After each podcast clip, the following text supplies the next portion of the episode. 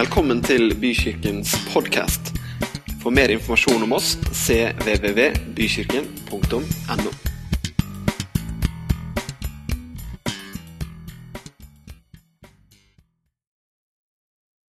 Dere, Vi skal lese en tekst fra, fra Efeserbrevet, og vi skal få den på veggen faktisk også. Men Efeserbrevet det er et litt spesielt brev. Så det kommer en sånn liten anbefaling på Efeserbrevet faktisk her i dag. Eh, fordi at kanskje noen av de dypeste og de, eh, de mest grunnleggende teologiske sannheter de finner man belyst i Efeserbrevet. Her står det om utvelgelsen, her står det om Guds forutbestemte plan. Det står at vi har barnekår, det står om tidens fylde, Guds nåde, Hans evige plan og, og, og tjenestegavene og fylden av Den hellige ånd osv. Men det er noen veldig viktige perspektiver i Efeserbrevet som jeg har lyst til at du skal få tak i.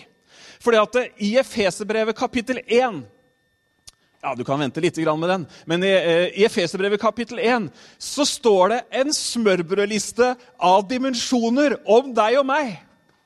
Det står altså lista opp fakta for den som er en troende, fakta for den som følger Jesus. Og vet du hva? Det er helt rått.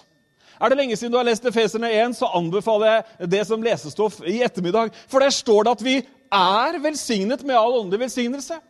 Det var noe du skulle liksom tenke, tenke og kjenne. Åh, er jeg virkelig det? Ja, du er virkelig det.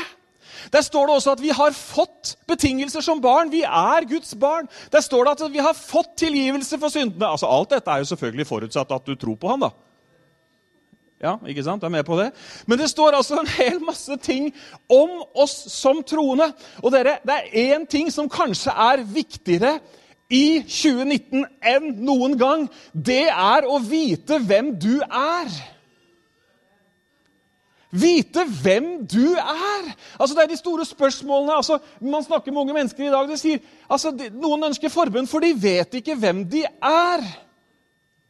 Og Nå finnes det mange slags identiteter, det finnes mange slags på en måte ting man skal orientere seg etter i 2019. og Sånn har det for så vidt alltid vært, men nå har vi kanskje enda flere valgmuligheter enn noen gang.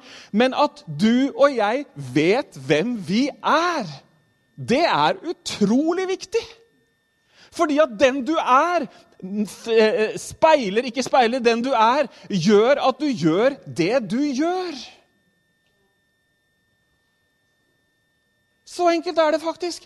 Derfor så har Paulus hele lista her. Altså, Han snakker om alt som har skjedd, han snakker om alt vi har fått. Vi er velsigna, og det ene og det andre. Og du vet, Det er så viktig at du og jeg faktisk vokser opp.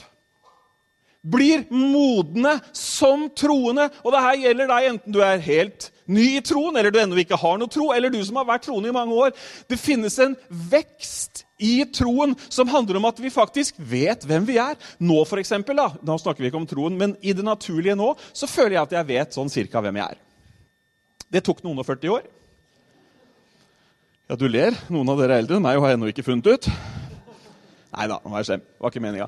Men du vet, det tar noen ganger litt tid å vite hvem man er. Men du skjønner at når man vet hvem man er, da får man en helt annen trygghet i å møte det som kommer. Hallo?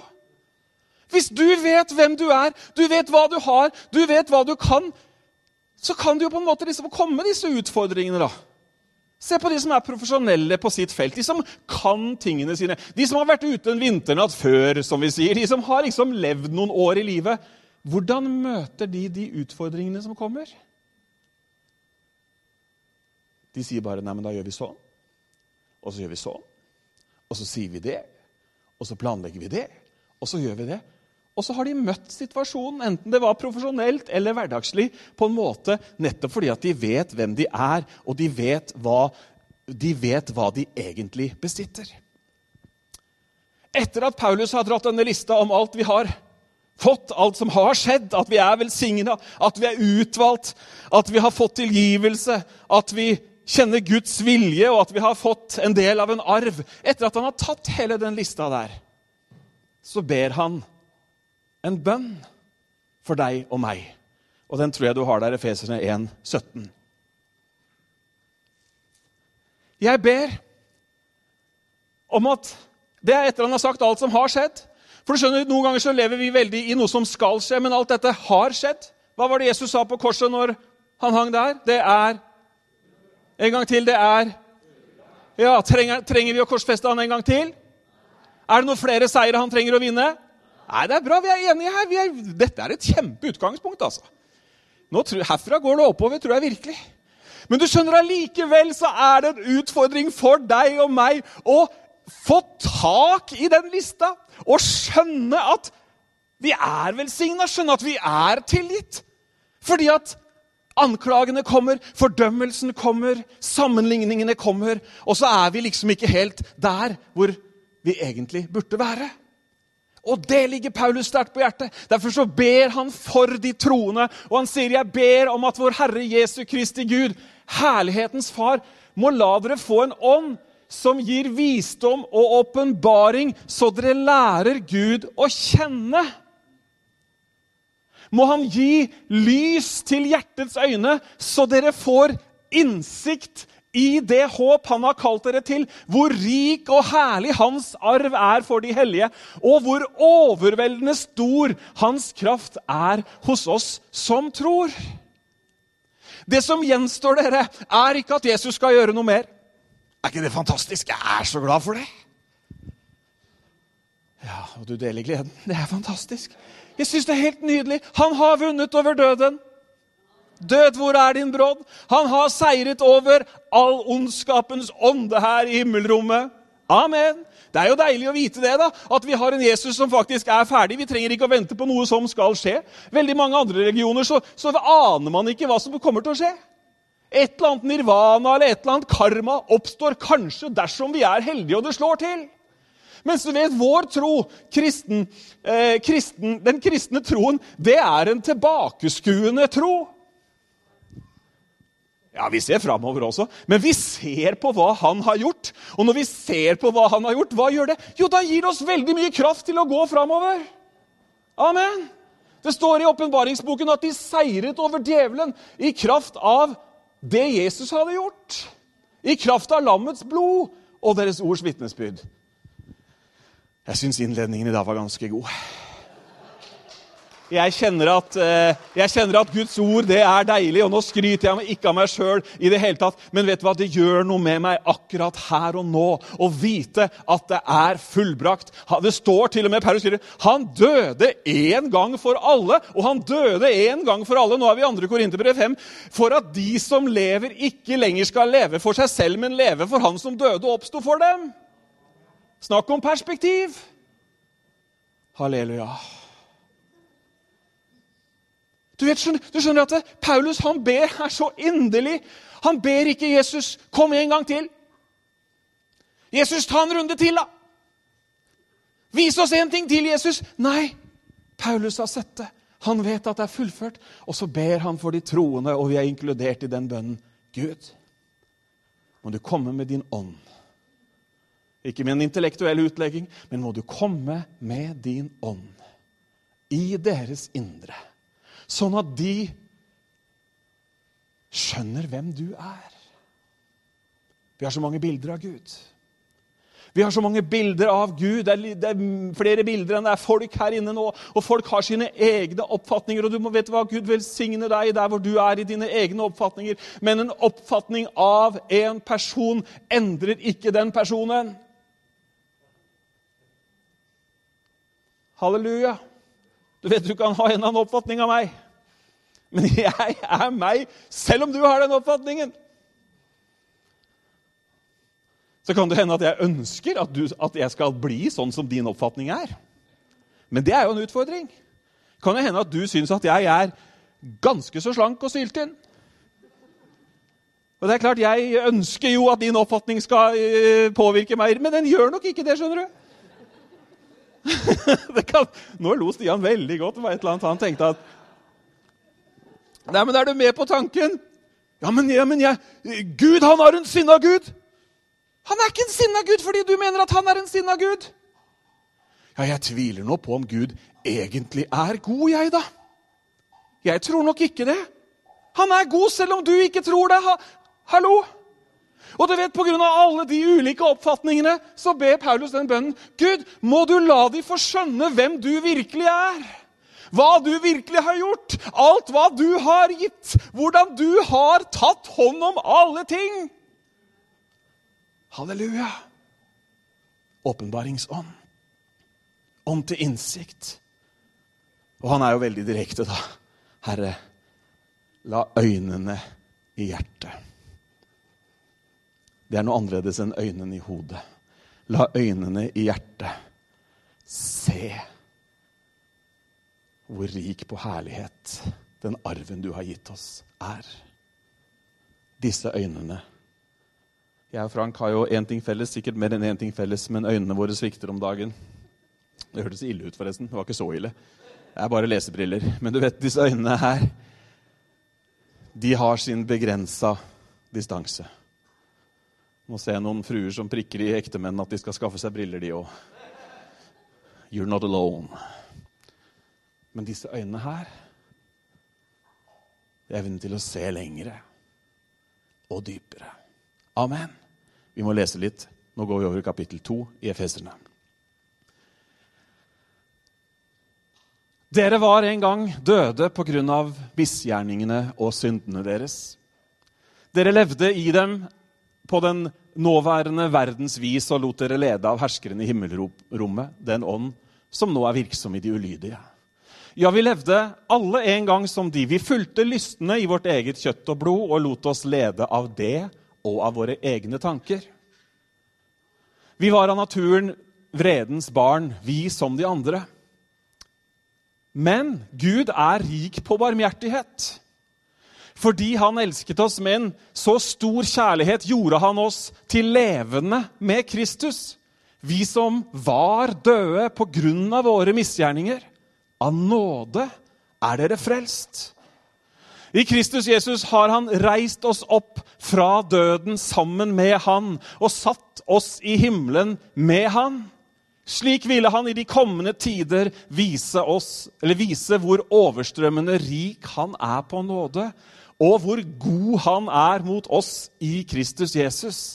For av nåde er dere frelst ved tro. Det er ikke deres eget verk, men Guds gave. Det hviler ikke på gjerninger for at ingen skal skryte av seg selv, for vi er Hans verk. Skapt i Kristus Jesus til gode gjerninger, som Gud på forhånd har lagt ferdige for at vi skulle vandre i dem. Du vet, dette her er nesten for godt til å være sant. Hallo? Det er nesten for godt til å være sant. Du skjønner det at det, det finnes en realitet fysisk. Og så finnes det en realitet åndelig. Den fysiske realiteten i ditt liv akkurat her og nå er at du sitter på en stol her i Trelleborgveien 11 ved siden av noen du kjenner, eller noen du aldri har sett før. Og du sitter her med tanker om hvordan helga har vært, eller uka har vært, og du sitter med noen tanker om hvordan uka kommer til å bli, eller hva Ja, du skjønner hva jeg mener. Du sitter og tenker, har noen tanker om hvordan på en måte livet ditt er.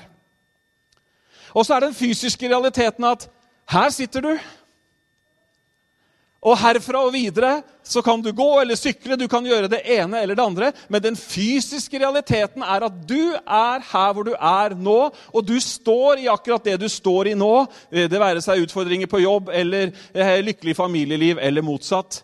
Det er den fysiske realiteten. Den fysiske realiteten har knytta følelser til seg. Hvor mange vet hva jeg snakker om? ja, der, Halvparten har vært i kontakt med følelsene sine her. Resten vi kan ha, ta samtaler utover uka. Det er knytta følelser til vår fysiske realitet. Du vet, du kan, du kan skape følelser hos det, et menneske du møter, veldig enkelt ved hvordan du møter det mennesket på. Dette er veldig sånn enkel eh, psykologi her. Ikke sant? Du kan møte et menneske, og så kan du si 'Å, så hyggelig å se deg'. 'Oi, går det bra med deg, eller?' 'Du, bli med og spis en lunsj.' Hvilke følelser får du hvis noen møter deg på den måten? Gode følelser, ja.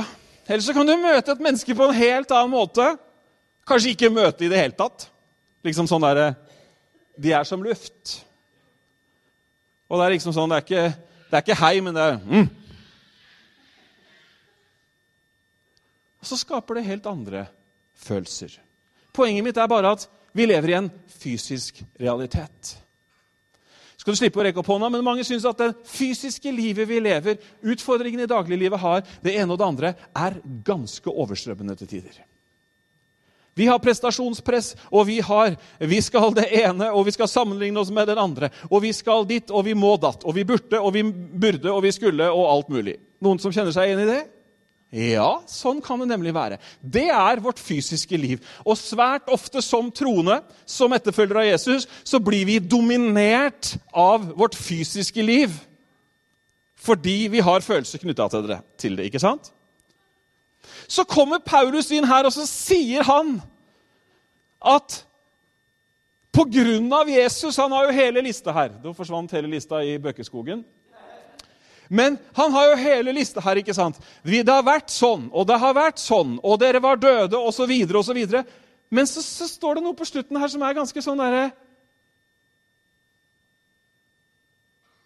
I Kristus Jesus har han reist oss opp fra døden sammen med han og satt oss i himmelen med han. Du vet, Vi viste dåpen her av Synnøve og Kristian. Og da sier vi jo i dåpen Dåpen er et kraftig symbol, det er en forkynnelse, og det er en fantastisk bekreftelse på det som har skjedd inni oss. Da sier vi nettopp det at vi blir oppreist til et nytt liv. Altså, det finnes en det er jo ikke sånn at etter at, etter at Kristian her døpte seg, så, så, var det liksom Ja, nå liksom, nå, eh, Kona ser annerledes ut, og utfordringene er, altså, det, det, fysiske livet er det samme. Dere er med på tanken? Syns vi har lagt grunnlaget godt nå for å skjønne det? Men det som er spesielt, og det som er verdt å få med seg, og det, jeg, det er derfor jeg forkynner det i dag, det er at det finnes en åndelig realitet. fordi at når vi er, har tatt imot Jesus, så blir vi nye skapninger. Vi er ikke lenger bare det fysiske mennesket, men vi blir født på ny. Når du tar imot Jesus Kristus som din frelser, så blir du ikke medlem av den verdensvide kirka. Det blir du for så vidt, men det er ikke det som er poenget. Poenget er at ånden din, en del av deg som er like virkelig som ditt fysiske deg, blir født. Våkner til liv. Et nytt liv starter. Er ikke det fantastisk, dere? Det er jo helt utrolig. Han lister det opp. Dere var døde, det funka ikke, det ene og det andre, misgjerninger, synd osv. Men ved å tro i hjertet og bekjenne med munnen, så blir man frelst. Og et nytt liv starter.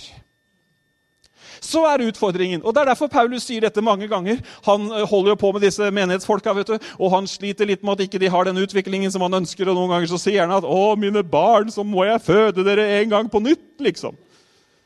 Har dere ikke skjønt noe? Har dere ikke fått tak i noe? Og en annen gang så er det liksom, Dere er jo som spedbarn. Dere får ikke tak i dette her i det hele tatt. Ja, hva er det å få tak i? Det som er å få tak i, er at den åndelige virkeligheten er at vi faktisk har blitt plassert sammen med Jesus i himmelen. Men nå drar du på kraftig. Ikke jeg. Han. Ja, Hva snakker du om nå? Jo, jeg snakker om at ved troen på Jesus så har du blitt ført inn i en posisjon. Du har fått en posisjon. Hvor er Jesus hen, da? Hvor er han? Nei, nå ble vi usikre her. Han er i den himmelske verden. Han for opp, han satte seg ved Faderens høyre side. Og det står at han sitter der høyt over all makt, høyt over all myndighet, og han har et navn som er over alle andre navn. Og ved siden av han, der sitter du og jeg. Nei, Det føles ikke sånn. Nei, jeg snakker ikke om åssen det føles. Jeg har aldri følt at jeg sitter helt der oppe. Kanskje du sier. Men du, hør her.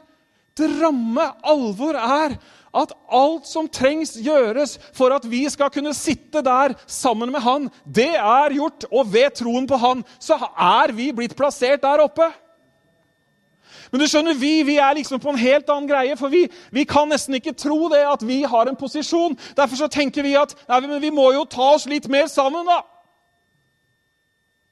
Det er fint at du sier det, Paulus, at vi er velsignet med all åndelig velsignelse, men jeg tar en sikkerhetsbønn allikevel. Ja, kjære Gud, kan du velsigne meg litt til? Det er greit nok at du sier i, i, i kapitlet ditt, Paulus, at 'jeg er tilgitt for syndene mine', men jeg tror jeg tar en runde med litt selvfordømmelse og prøver å ta meg sammen et par ganger til. Ja, vi ler, men det er jo sånn vi holder på. Ursäkta meg. Det føles godt. Men hva sto det? Det hviler ikke på gjerninger. Du er satt i himmelen, men det hviler ikke på gjerninger for at ingen skal kunne skryte. Eller for at noen skal kunne rose seg. Vet du hva? Å skryte og fremheve seg selv på vegne av andre, det er religionens særtrekk. Det er de som sier 'se på oss'. Jeg har søndagsskole, kortet fullt av fisk. Jeg har alltid valgt det rette, jeg har hørt hva pastoren sa. Hvor den sangen kom fra, aner ikke jeg. Men er du med på tanken? Vi vasser rundt, og så tenker vi at hvis vi bare kan prestere litt til, da kommer han nok til å slippe oss inn perleporten. Hallo, du er satt på innsiden av porten allerede!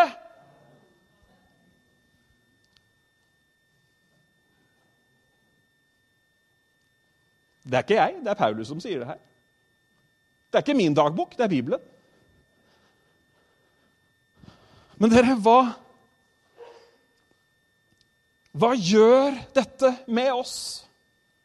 27 ganger gjennom hele Feserbrevet så sier Paulus dette, og det må da være noe Gud ønsker å få fram. Han bruker dette uttrykket at vi er i Kristus. Han sier at vi er i Guds familie. Han sier at vi er en del av hans hus. Og i alle brevene så er det over 80 ganger eller noe sånt, at han drar det kortet i Kristus. Hva gjør det, da, med oss? Hva gjør det med vårt fysiske liv? Hva gjør det med vårt åndelige liv? Hvis vi vet at vi er i Kristus, vi er over all makt, over all myndighet. Vi er satt i himmelen med Han. Og så tar vi Jesu egne ord om at si til dette fjellet, løft deg og kast deg i havet, og det skal skje som du tror. Jesu egne ord om at dere skal gjøre de samme ting som meg, ja, større ting enn det jeg gjør, fordi jeg går til Faderen. Og så kunne vi ha lagt til og dere er satt der sammen med meg. Jeg tror av hele mitt hjerte at når vi skjønner hvilken posisjon vi har fått, så kan vi møte livet på en helt annen måte. Og dere, livet handler om å møte livet, gjør det ikke det? Handler ikke livet om å møte livet? Er det ikke mye sannhet i det uttrykket? Livet handler om å møte livet. Ikke sant? Men det er forskjell på hva slags eh, eh, posisjon, det er forskjell på hva slags utgangspunkt du møter livet med. Vi er gitt en autoritet. Vi er gitt et utgangspunkt som ikke baserer seg på følelsene i det hele tatt. Men vi gjør det i kraft av en annen. Vi ber ikke fordi at vi sjøl har vært så flinke siste uka at denne gangen hører nok bønnen. Nei, vi ber i Jesu Kristi navn. Amen. Du vet, Paulus, han eh,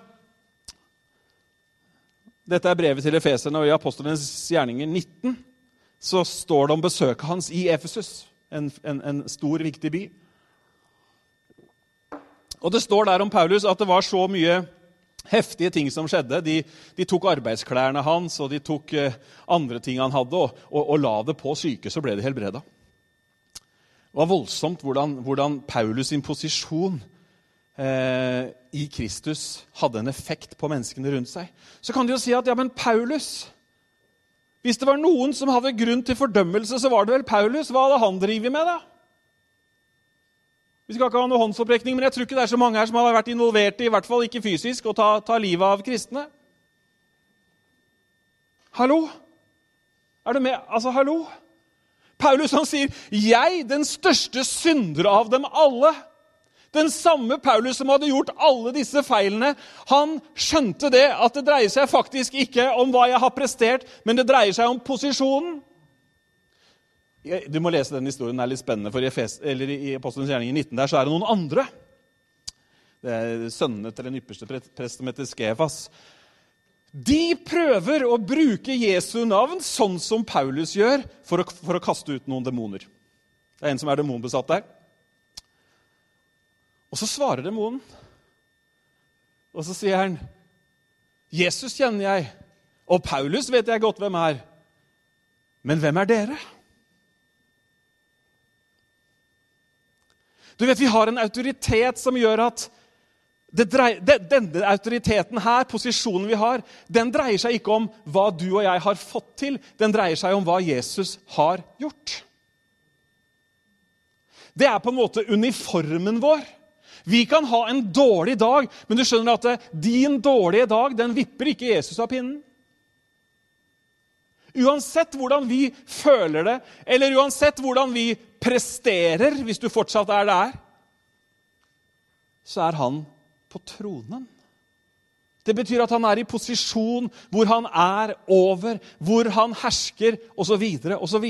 Derfor så sier han til oss som menighet han sier, 'Jeg vil gi deg himmelrikets nøkler'.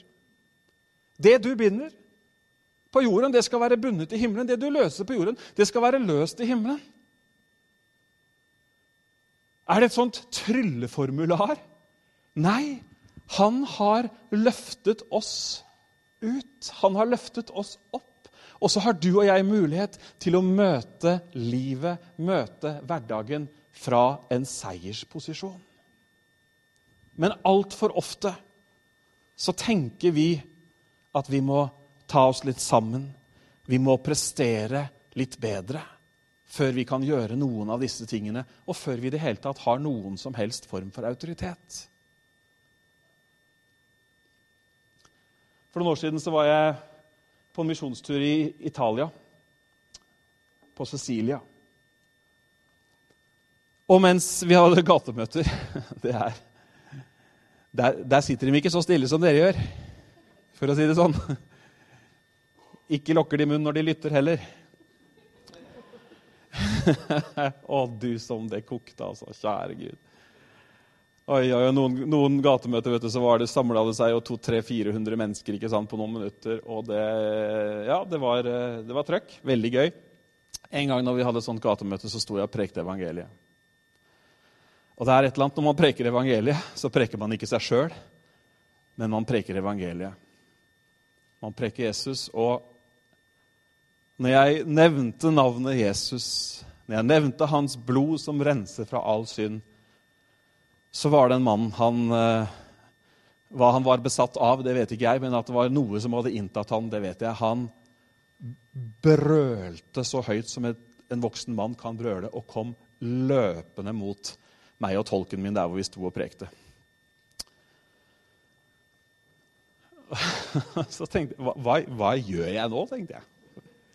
Jeg vet ikke hvor, hvor, rask tanken din er, men min er ganske rask. Du rekker å, altså liksom Når han kommer løpende omtrent fra der hvor Jack eh, sitter, og framover. Og bare og tenkte jeg, hva, hva skjer nå, liksom? Men så tenkte jeg Jeg står jo her fordi jeg har en posisjon. Dere, jeg hadde helt sikkert prestert dårlig tidligere denne uka. Jeg hadde helt sikkert kanskje til og med gjort noe feil. Jeg hadde helt sikkert uh, syndet eller hadde, Det var helt sikkert ting som ikke var perfekte i mitt liv. Er du med på tanken? Men jeg visste at jeg forkynner ikke mitt eget navn. Jeg forkynner ikke mine egne gjerninger. Jeg forkynner ikke en religion om å ta seg sammen, men jeg forkynner én som har vunnet alt, og som sitter i himmelen. Og jeg sitter faktisk ved siden av han. Vil du høre resten av historien? Kom tilbake neste søndag. Nei da. Nei da. Det som skjedde, og det var godt det skjedde, for jeg tror det var rett før, uh, før, uh, før tolken min tok beina fatt Rett før han liksom var så nærme at han kunne angripe meg fysisk, så kommer det en dame løpende inn fra sida. Hvor hun kom fra, det vet ikke jeg. Men hun tok han i armen og fikk han noen meter bort, og borte var han. Engler fins. Engler fins. Men du skjønner at når du, når, når, I det tilfellet der så blir det som om du har tatt på deg en uniform. Jeg vet ikke om det er noen som har uniformerte yrker her. Men jeg er helt sikker på Jeg skal ikke fortelle om alle gangene jeg blitt stoppa av politiet, for det høres så fryktelig ille ut, men Men jeg ble stoppa av politiet en gang etter at jeg hadde vært på møte, så jeg var så salig at jeg trykte litt ekstra på gasspedalen. Og kjørte litt nordover i fylket, og det var en sommerkveld, og alt var fint, og kornåkrene var fine og full sikt, og veien kjente jeg som min egen bukselomme. Og så blir jeg stoppa. Jeg tenkte hva er teknisk kontroll? Jeg har jo ikke kjørt for fort. Og så kommer da kanskje ikke verdens, men en av verdens nydeligste politikvinner kommer og spør eh, Eller sier ja, det gikk visst litt fort. Nei, gjorde det det, sa jeg. Ja, det gjorde det, sa hun. Eh, vil du sette deg inn i politibilen hos meg, eller skal jeg sette meg inn hos deg? Nei, du kan sette deg inn her, sa jeg. Og så satt, og så, og så satt vi der og prata. Og vi snakka på en måte om hvor, hvor, hvor, hvor, urettferdig dette her egentlig var. Hvor lite jeg egentlig hadde kjørt for fort, og det ene og det andre. Og du vet at det morsomme var at hun, hun blei enig med meg til slutt. Men jeg fikk bot! Tenke seg til. Lyse krøller og en perlerad av noen tenner. Men jeg fikk bot! Hva er poenget med at jeg sier det? Jeg sier, så at Hun hadde en posisjon. Hun følte nok ikke for å gi meg den bota. Det garanterer jeg deg. For vi fant tonen, kan du si. Og dette var lenge for deg, Julia, så slapp av. Så vi, vi, fant to, vi, fant jo tonen skikkelig, ikke sant? Men, men, hun måtte nok. Og hvis du reverserer da dette bildet og tenker på din, din egen posisjon, så er det som om du er den der politikvinnen eller politimannen, og på grunn av at du står i dette embetet, så har du makt til å stoppe ting. Amen! Fordi hun hadde politiuniform på, så kunne hun si vet du hva, det blir nok en bot, men det blir i hvert fall la. Jeg vet ikke om hun gjorde litt på tallene. jeg tror ikke hun hadde lov til det heller. Men egentlig så var det hakket før hun ga meg et par tusenlapper det hun gikk ut, men det gjorde hun ikke. Men ikke sant? det er noe med det at du har fått en posisjon som ikke lar seg styre av omstendighetene. Jeg er sikker på hun ville tilgi meg alt. Og la meg få en ny start. Det blir jo sånn omvendt bilde, det her. Men du vet, det er det samme med posisjonen vi har fått. Du vet, jeg jobber aldri for å liksom Å, Gud, nå må du Å, kom nå, liksom, Gud. Et eller annet sted der oppe er du. Nei, vet du hva, han er jo her. Ja, men Bibelen sier jo at han bor ved troen i mitt hjerte. Bibelen sier at Problemet er ikke at han er ut og inn av hjertet. Problemet er at huet vårt er ut og inn. Problemet er at vi ikke vet. Problemet er at vi glemmer. Jeg glemmer, og du glemmer, og vi er alle i samme båt. Vi er ganske glemske. Vi glemmer at vi faktisk er satt i himmelen med Han. Det er derfor vi går på søndagsmøter, for vi glemmer. Det er derfor vi trenger en andagsstund hjemme hver eneste dag, fordi vi glemmer. Det er derfor vi trenger å være med i et mindre fellesskap, fordi vi glemmer. Og alle disse tingene de blir arenaer hvor Gud kan ved sin ånd komme og lyse opp ordet sitt og minne oss på at vi har uniformen på. Amen. Og Derfor sier han, 'De bilene du stopper, de stopper jeg.' 'De bilene du slipper forbi, de slipper jeg forbi.' Hallo? Fantastisk. Dere, hva gjør dette med oss? Livet handler om å møte livet. Hva gjør dette med bønnelivet vårt? Jo, du går kanskje fra å være en tiggende beder Til å bli en som vet at du har fått en myndighet som gjør at du faktisk kan ta imot. Bibelen bruker et kraftig ord og sier 'begjær av meg'. Da har du et sterkt ønske etter noe, kan du si. Bibelen ber oss aldri om å si 'Kjære, snille Gud, hvis det kunne falle deg inn når du holder på å sovne og ikke lenger er så sint, kunne du la det drøsse litt over meg?' Nei, Bibelen sier 'begjær av meg', og jeg skal gi deg nasjonene. Jeg skal gi deg det du ber om. Hvorfor? Jo, for vi ber ut fra en posisjon som gjør at vi har en myndighet til å endre situasjonen i livet vårt. Hva gjør det med lovsangen vår? Jeg har en traktorklipper hjemme som sliter med starteren. Og Det er nesten et godt bilde liksom, på, på, hvordan noen tenker at lovsang bør være. Liksom. Jeg vrir på den nøkkelen mange ganger ute. og jeg vet ikke om det funker. Men nå har jeg funnet ut at hvis jeg liksom later som jeg girer og setter den tilbake i fri og rugger litt i hele maskina, da er det akkurat som jeg får litt høyere treff på den starteren som slår til etter ca. 20 minutter. Batteriet er godt av det, skjønner du, siden han holder det gående så lenge. Og der, vet du! Der slo det til! Dere, når du og jeg skal tilbe og lovsynge Herren, så trenger vi ikke være som en sånn gammel traktorklipper. Og vente på et et eller annet. Vet du hva? Veien er åpen. Han sitter på tronen. Uavhengig av hva du og jeg føler eller har opplevd, så er han der oppe. Og jeg lover deg, når du løfter ditt hjerte, din stemme og kanskje også dine hender, så starter det så er koblingen der, for den har vært der hele tiden. Men det har vært mange ting som har forstyrra oss.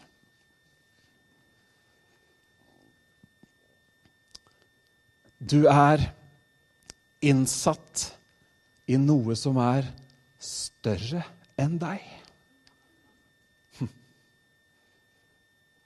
Du har en ryggdekning. Tilbake til denne politidama. da. Det skulle jo vært morsomt om jeg ikke hadde stoppa den dagen.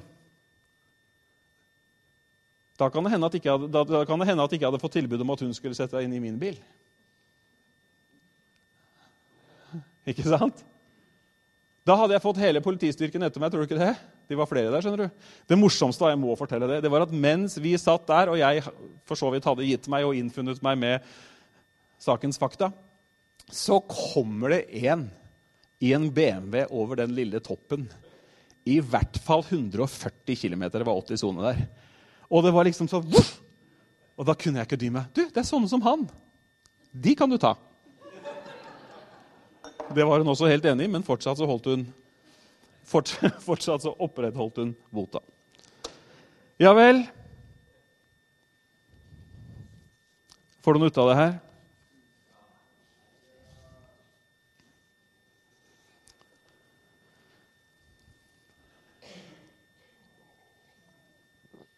Veldig ofte.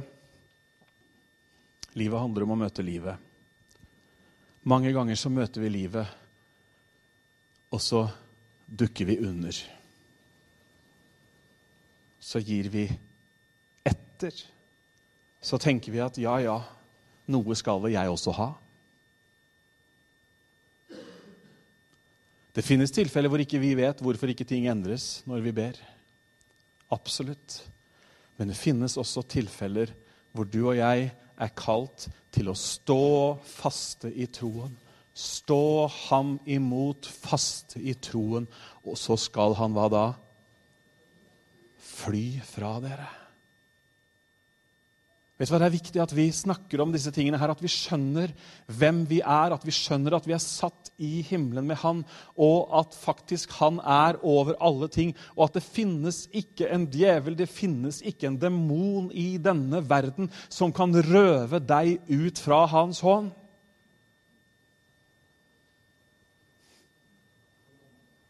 Du vet, all fremstilling omtrent av mørkets krefter, enten det er i bøker film, TV-serier eller hva det er, hva er all fremstilling av mørkets krefter forbundet med? Frykt. Kom deg unna. Løp. Hold deg inne med den. Vær forsiktig der. Pass på, osv., osv. Som om vi skulle liksom ha noe vi trenger egentlig å flykte fra. Nei, overhodet ikke. Hører du hva jeg sier? Og Noen ganger så kan vi ta med det bildet av mørkets krefter inn i vårt trosliv og, og liksom nærmest Ja, ok, da, han, han, han, holder på med meg nå, men vet du hva? Det står at vi blir ledet fram i seierstog med Jesus Kristus. Det betyr ikke at det er motstand. Det betyr ikke at ikke vi ikke møter ting osv., men det betyr at det finnes en som har overvunnet alt. Amen. Og det er han vi sitter ved siden av der oppe. Rett og slett. Det er posisjonen vår. Så la prestasjonene dine ligge. Ta, ta, imot Guds ord til deg i dag. La Hans ånd få opplyse ditt indre. For det her er ikke en sånn rasjonell overbevisning, en logisk tankerekke, men det er Gud som faktisk, når vi ber Han om det, lar Han få se disse tingene og så blir vi sånne som Paulus og som andre som reiser seg opp, og som bringer lysets rike, som bringer evangeliet videre. Amen. Hva er det som Hva er det som kan hindre oss? Hva er det som kan liksom gjøre at, dette bildet blir uklart for oss? For det første, som jeg var litt inne på, så kan, det være så enkelt som at du og jeg ikke aner hva Bibelen sier, hva Gud, hva Gud egentlig har gjort.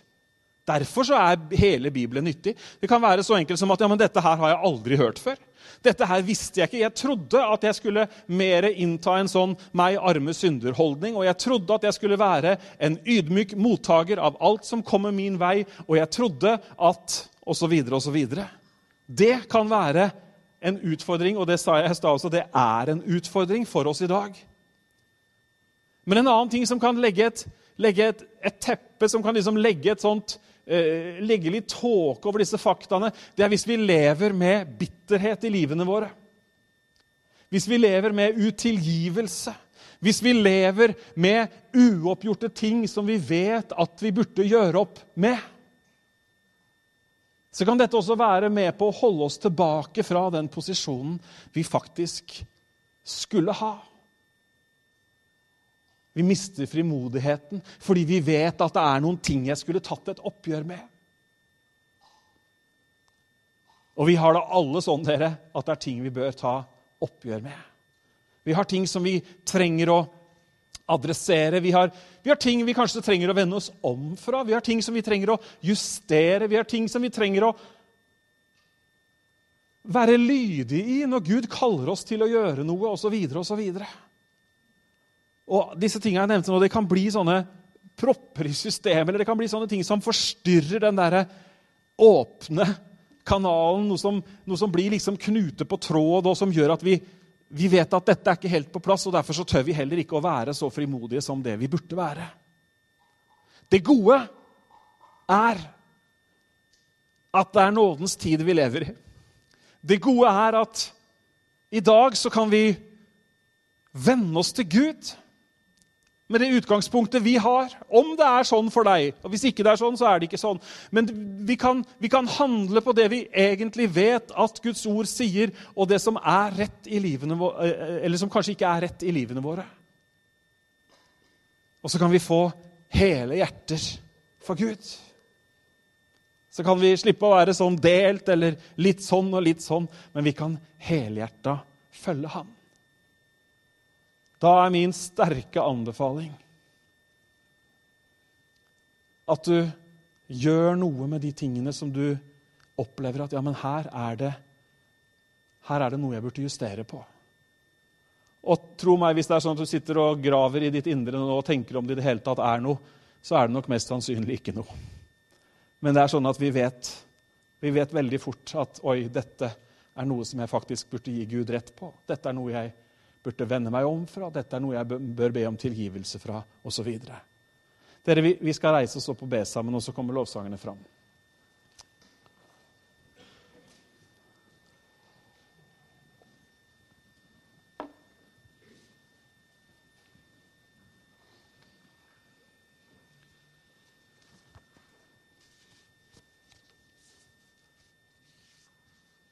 Skal vi be en bønn om eh, at Gud skal åpne øynene våre. Vi som så altfor ofte baserer hele livet vårt på de siste følelsene vi opplevde, eller hva vi tenkte. Vi trenger å basere livet på hva Han har gjort. Kanskje du har stått i en eller annen fight, du har stått i en eller annen utfordring, kanskje for andre, i relasjon til andre, eller i forhold til din egen situasjon. La oss be, og jeg vil at du også skal be. Du trenger ikke å be høyt hvis ikke du vil det, men jeg vil at du skal komme framfor Gud nå.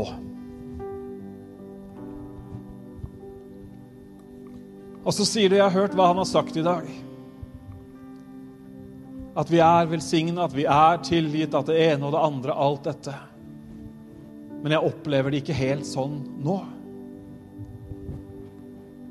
Så skal vi be om at Guds ånd gir lys til hjertene våre.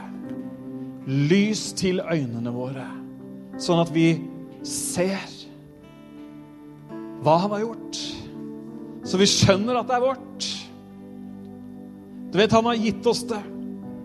Han har satt inn på kontoen vår, og vi har fått koden. Men likevel så er det ofte sånn at vi ikke helt liksom vet om vi har det. Han vil at du skal vite at du har det. Før vi ber sammen, så har jeg lyst til å stille et annet spørsmål. Om du er her i dag som har hørt det vi har snakka om, du har hørt om en Jesus som elsker, som ikke bygger på prestasjoner. Du har hørt om en nådig Gud som frelser uten at vi kan vise til mange gode gjerninger. Og du har lyst til å ta imot Jesus. Ta imot Han som din frelser. Så skal vi, før vi alle vi felles ber, så skal vi be for deg. Så kan vi ikke bare lukke øynene våre et øyeblikk, og så kan eh, vi la det være en lite privat øyeblikk. Og så kan du som ønsker å si ja til Jesus, om det er for første gang eller andre gang, du kan rekke opp hånda di, og så skal vi be en bønn felles alle sammen. Er det noen, så rekk opp hånda di.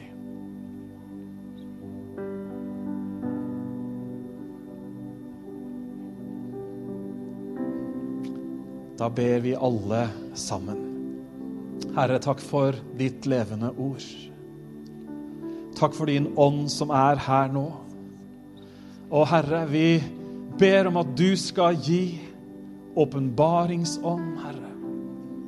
Til kunnskap, til innsikt, til forståelse av hvem du er. Hva du har gjort. Herre, jeg ber om at du skal åpne øynene til noens hjerter nå, Herre, sånn at de plutselig ser at de er tilgitt. Sånn at de ser at du elsker dem, så de ser at du døde for dem, og så de ser at i deg så har de en uendelig stor arv. Herre, jeg ber om at du skal åpne øynene, hjertets øyne, sånn at noen i dag ser hvor stor din kraft er for oss som tror. Herre, takk at du kommer og gir lys til ditt ord.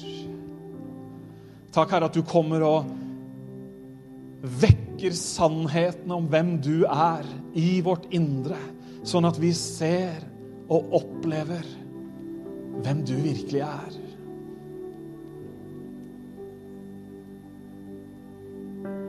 Takker deg, far, for at du hjelper noen nå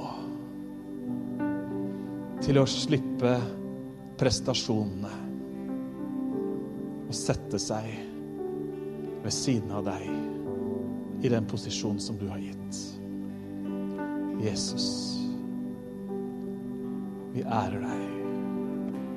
Vi takker deg. Halleluja. Be for dagene og ukene som ligger foran. Du vet at livet handler om å møte livet. Men Herre, vi vil møte livet med den kraft og med den styrke som du gir. Det utgjør hele forskjellen. Vi takker deg og ærer deg. Skal vi gjøre det sånn at vi begynner å lovsynge nå?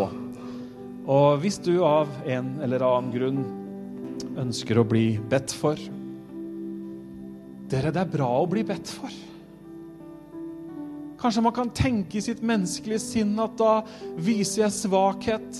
Da er jeg liksom ikke like flink som alle andre. Vet du hva, Det er ikke det i det hele tatt. Det, å bli bedt for handler bare om å tro Gud på Hans ord. At det, der hvor to eller tre er sammen, der er Han. Og det to eller tre blir enige om å be om i Hans navn, det vil Han gi. Og vi trenger det alle sammen.